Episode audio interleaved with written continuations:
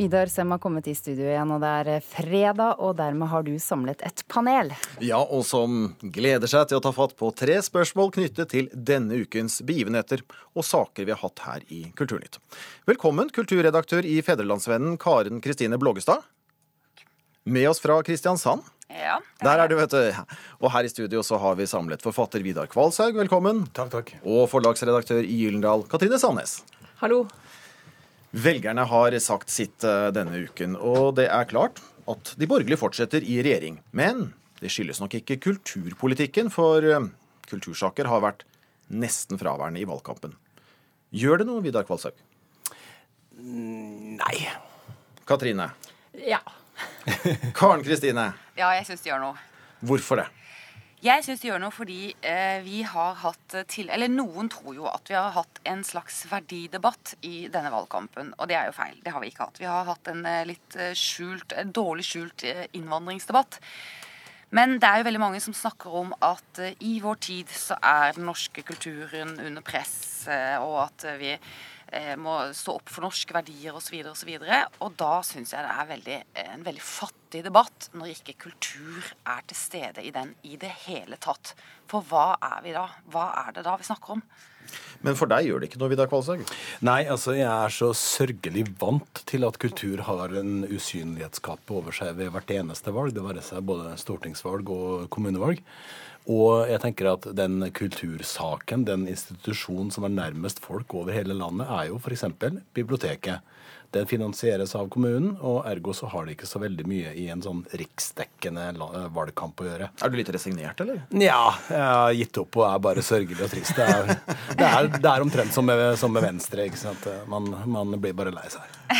Men så resignert ønsker ikke du å være, Katrine Sandnes? Nei, altså, jeg tenker jo at det er jo alltid det er jo alltid synd at man ikke klarer å diskutere eh, eh, at man ikke klarer å diskutere kultur. Eh, og hvis, når man nå først trekker opp denne diskusjonen om norske, såkalte norske verdier, eh, så, man, så kunne man jo sett på det som et oppspill til å diskutere hvordan skal vi ivareta, ivareta eh, morgendagens kultur. Da. Hvordan skal man skape morgendagens kultur? Og Dette er jo en regjering som har innført 1 flatt kutt i alle statlige, statlige institusjoner, deriblant de virkelig kulturbærende, tunge institusjonene våre. Som jo da gjør at alle får kutt som i realiteten er mye større 1 fordi husleia øker og lønningene øker osv. Disse diskusjonene har vi ikke fått. Og vi får heller ikke diskusjoner om eh, kulturens plass eller betydning, eh, betydning eh, det, det, det for, for faktisk for folk flest. Og det er jeg veldig enig i det siste her. For at hvis man ser på kultur isolert sett, så har det kanskje ikke så veldig mye å gjøre i en valgkamp. fordi at man kan tenke seg at den diskusjonen henger litt sammen med hvor store utgiftsposter ulike sektorer har på statsbudsjettet. Og da er jo kultur helt forsvinnende liten.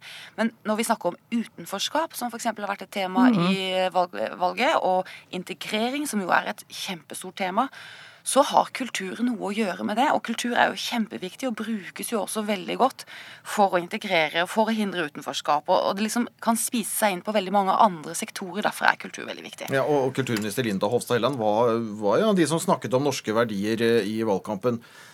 Førte ikke det til at kultur var med Vidar Kvalshaug? Ja, det er som Blågestad sier, det var en fordekt innvandringsdebatt. Eh, Og dessuten har jo den regjeringa her tatt veldig av Det er litt med kanskje øynene som ser her òg. De har jo både på en hånd ønska å lage en norsk eh, kanon, og på den andre siden så sier de at staten skal ha minst mulig med kulturen å gjøre, og definisjonen av den. Eh, Men jeg tenker at hvis man hadde orka å grave litt, så er det jo i kulturpolitikk man finner faktisk de, de vesentlige ideologiske forskjellene på partiene. Og det var kulturpolitikk som var grunnlaget for den rød-grønne regjeringa i 2005. Da satte de seg ned først, lagde et kulturløfte, så at det der her, vi klarer jo å snakke sammen, la oss forsøke noe mer. La oss forsøke en sektor til. La oss se hva det blir. Så de burde, de burde sette seg ned og se hva som faktisk er i feltet. Og det er jo noe svakt ved en kulturminister når selv hun må trekke innvandringskortet for å få litt oppmerksomhet i valgkampen. Ja, Vi har jo hatt en regjering nå som har satt på to kulturministre som rett og slett ikke er interessert i kultur. Og det er jo klart, det burde jo det, eh, det- og det, så det er klart, det er ikke så overraskende at regjeringen ikke har ønsket å diskutere kulturpolitikk, for de er opptatt av næringspolitikk mye mer enn av kultur. Men at opposisjonen ikke har villet gjøre det, det er jeg egentlig litt overraska over. Dette er nesten danske tilstander, vil jeg si. Som betyr som betyr at vi har eh, raseringsministre i Danmark, og kanskje en litt mildere versjon i Norge. Altså en, en ikke økning, men en slags nedbyggingsminister. Kontrollert landing. Fikk litt på følelsen her at vi kanskje var litt på venstresiden sånn i, i panelet i dag. Eh, Nei, da må jeg få lov til å si at de holder jo på med noe som kan eh, bli interessant, da. Fordi at, ja, slå et slag for, for, for, Ja. for høyresiden òg, da. Ja, Hvis ikke så blir de så utrolig sure etterpå. Eh, de holder på med Talent Norge, og de holder jo på med denne litt Altså at private midler må mer inn i kulturen. Og det er, bør kulturlivet ta imot med åpne armer. Det tar litt tid før det gir resultater, så det får vi bare følge med på. Ja, Noe skjer altså også på kultur fra den blå-blå regjeringen. La det være sagt. Eh, Det har vært private ja. penger i kulturen Ja. i årevis. Det har, jeg har aldri møtt Katrine. noen fra Kultur-Norge som er imot private penger. Katrine, Katrine, vi setter strek for denne runden. Noe helt annet. Eller? Denne uken kom i hvert fall den triste meldingen om at sosialmedisiner Per Fugli er død. Han har vært en tydelig stemme i mange år, og er bl.a. kalt de uperfektes venn. Mange har skrevet minneord over Fugli. Forlegger Anders Heger kaller ham en av våre største humanister. Så står det noen klare til å overta som ja, spissformulert rikssynser og provokatør. Katrine. Nei. Karen Kristine. Nei. Vidar. Eh, nei, heldigvis ikke. Hvorfor ikke? Nei, fordi jeg tror ikke at eh, vår tid eh, vil fostre én person, eh, gjerne en akademiker, en, en mann som bruker et liv på å komme i den posisjonen. Jeg tror det er en fragmentert affære der, der noen grupper har én helt som de ser opp til, en annen gruppe har en annen, og det er ikke sikkert at disse snakker sammen engang. Så, så en ny Erik Bye, en ny Årebrott, en ny Fugelli, det er ikke sikkert vi, vi ser i én person. Men hadde vi trengt en, en fugle i det, det politiske ordskiftet? Vi snakket om kulturpolitikken her, men sånn i det politiske ordskiftet hadde vi trengt en sånn stemme som det han var. Men det, jeg, jeg er jo helt sikker på at det kommer til å dukke opp, men det har ikke vært behov for det fram til nå, for, fordi Fugli har hatt, har hatt det og tatt den plassen. Og jeg tenker at eh, altså Man snakker om at verden er så fragmentert i dag, og man, osv. osv. Fugli var veldig, veldig Folk var veldig delt i oppfatningen av Fugli også. Og jeg tror eh, man, Om man har den forestillingen om at landet samlet seg rundt Erik Bye eh, jeg er ikke sikker på i hvor stor grad man egentlig var samlet. Jeg var barn da Erik Bye var stor og syntes jo alltid var- han var veldig skummel. Så det, det er liksom disse forestillingene om samlende skikkelser før, og, og hvordan man nå liksom har en form for oppløsning med, med alle mulige ekko- ekkokamre. Jeg er ikke sikker på om det, om det stemmer. Men, men jeg, er, jeg er ganske sikker på at man kommer til å få eh, mennesker med den posisjonen i, i framtida, eh, også. Men vi klarer ikke å se det, eh, se det her og nå. Karen Kristine, du ser heller ikke for deg den stemmen her og nå? Nei, jeg er litt enig med det de to andre sier her. At jeg tror verden er så fragmentert at en sånn samlende skikkelse er veldig vanskelig å skape i vår verden. Men jeg tror jo også at eh, alle mennesker har en sånn eh, iboende lengsel etter et nav, da. En eller annen skikkelse som de kan stole på, som kommer opp i vanskelige situasjoner og forteller hva som er rett og galt å gjøre og tenke og si og sånn. Ikke ja, noe som er nesten litt sånn religiøs ledelse. Altså at, vi, at noen som kan være som en fasit for oss, eller et korrektiv. eh, Ja, Er det, er det, litt, det, vi, er det litt det vi mister med, med Per Fugli? For mange, men ikke for alle. Det tror jeg slett ikke han var for alle, men for mange tror jeg han var det. Men så tror jeg også at ulike sektorer vil ha sine stjerner, ha sine lys. ikke sant? Sånn som Orrebrott, som døde også. Nå var det i, i samfunnsfaget, og noen poeter kanskje er i litterære verden, osv. osv.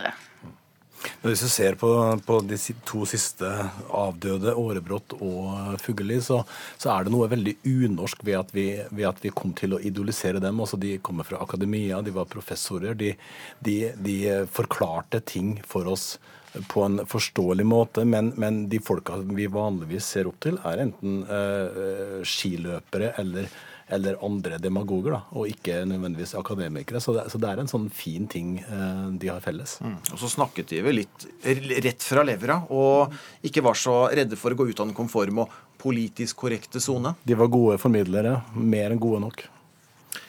Vi setter strek eh, der, for nå skal jeg fortelle dere at det var en gang en fattig mann og en fattig kone som hadde tre sønner. Per, Pål og Espen Askeladd.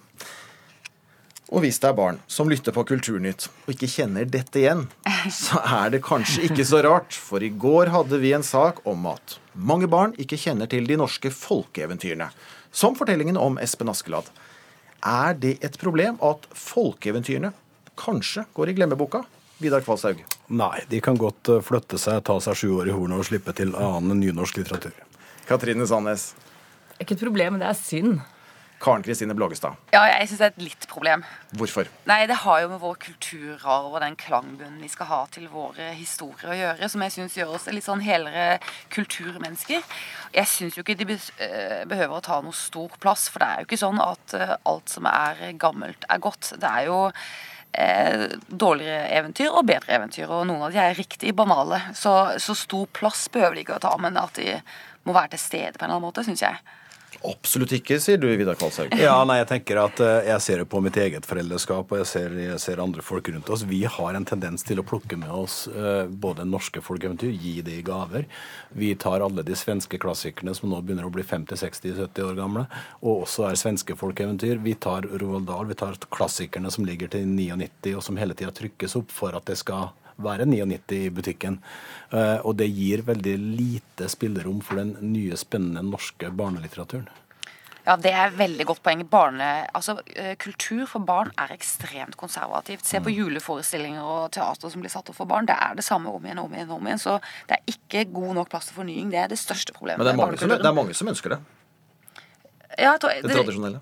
Ja, det er, jo, altså det er jo Tradisjonen har en egenverdi i barnekulturen, men det er jo ikke rom for nyskapning der i det hele tatt. Nå er det jo noen stjerner, sånn som hun Parr, for eksempel, som slår litt hjemme, og sånn, men det er jo sjelden. Dette, dette må vi holde Vi Katrine ansvarlig for, egentlig. Forlagsredaktøren ja, blant oss her.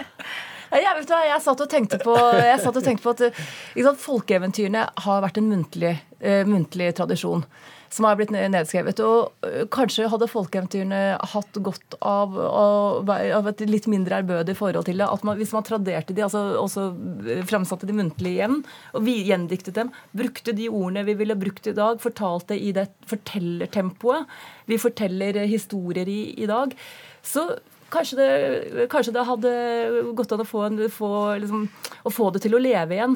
For det, det er dessverre sånn når du leser de norske folkeeventyrene Eh, og sånn var det jo allerede da jeg var barn. Så var det jo utrolig mye deiligere med Disney-variantene Disney-variantene av, av Brødrene Grim.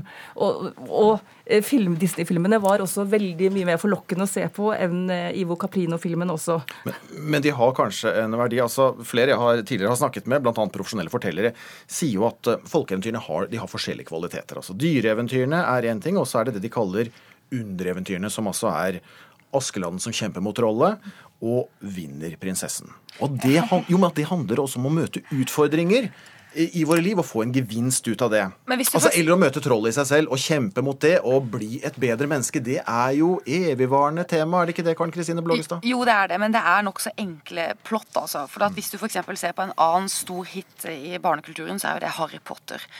Og, de, og det, eh, Den verden der introduseres jo barn for når de er veldig små. Tenk hvor kompleks den er. Den er så enormt stor, den har så mange nyanser, den er så finstemt. og Noen mennesker er onde, og noen mennesker er slemme, men det er veldig mye mellom der også. Og dette klarer barn å fordøye, så det er jo en, en mye mer eh, kompleks og avansert verden. Det er ikke så banalt som eh, folkeeventyrene. Kanskje historien om historiene, altså historien om de gamle folkeeventyrene, er viktigere å lære enn selve eventyrene i seg selv. Jeg, jeg, jeg, si, jeg er ikke jeg skjønner hva du mener, øh, og det er vanskelig å være helt uenig, men samtidig så er det også noe med at når du og det, det kan hende at folkeeventyr passer best for voksne. For når du, liksom, når du reiser rundt i Norge og du ser skogene og fjellene og trærne, og så forteller du barna om her er trollene, her bodde kjempene, så skjønner du at Trollene de har, de har ikke noe forhold til hva vi mener med troll i det hele tatt. Og det skjer, jeg tenker jo litt at ja, men det, det hører da med uh, i noe av det man skal uh, Noe av det som skal ligge i fundamentet ditt. Gjør det ikke det, da? Men så er det jo fint å se at det finnes jo en utvikling av folkeeventyr. Skam er jo et norsk folkeeventyr. Hvordan da? Nei, det er blitt en norsk folkekultur. Det har mange av de samme konfliktene. God, ond eh, osv. Kjærligheten og vinne prinsesser. Men det er problematisert sånn at vi kan kjenne det igjen i dag. Kommer til å leve lenge. Er det fremtidens eventyr, eh, Karen Kristine Blågestad? Skam? Ja, Hvis eventyr defineres som eh, fortellinger for samtiden, så er det jo det. Eh, Men eventyr har vel en annen valør ved seg også. Det er jo dette mytiske og magiske osv. Jeg vet ikke helt. Men kanskje. Vet dere hva? Vi sier nå snipp, snapp, snute. Dagens fredagspanel er ute. Takk til Vidar Kvalshaug, Karen Kristine Blågestad og Katrine Sandnes. Men Nyhetsmorgen fortsetter en halv time til etter Dagsnytt, nå klokken 8.30 i Dagsnytt. Ja, er du en av dem som kaster det gamle lakenet, de enslige sokkene eller det hullete undertøyet i søpla? Vi skal til Vulkan i Oslo, der det aksjoneres i dag for å gjøre nordmenn mer bevisste på tekstilsvinn.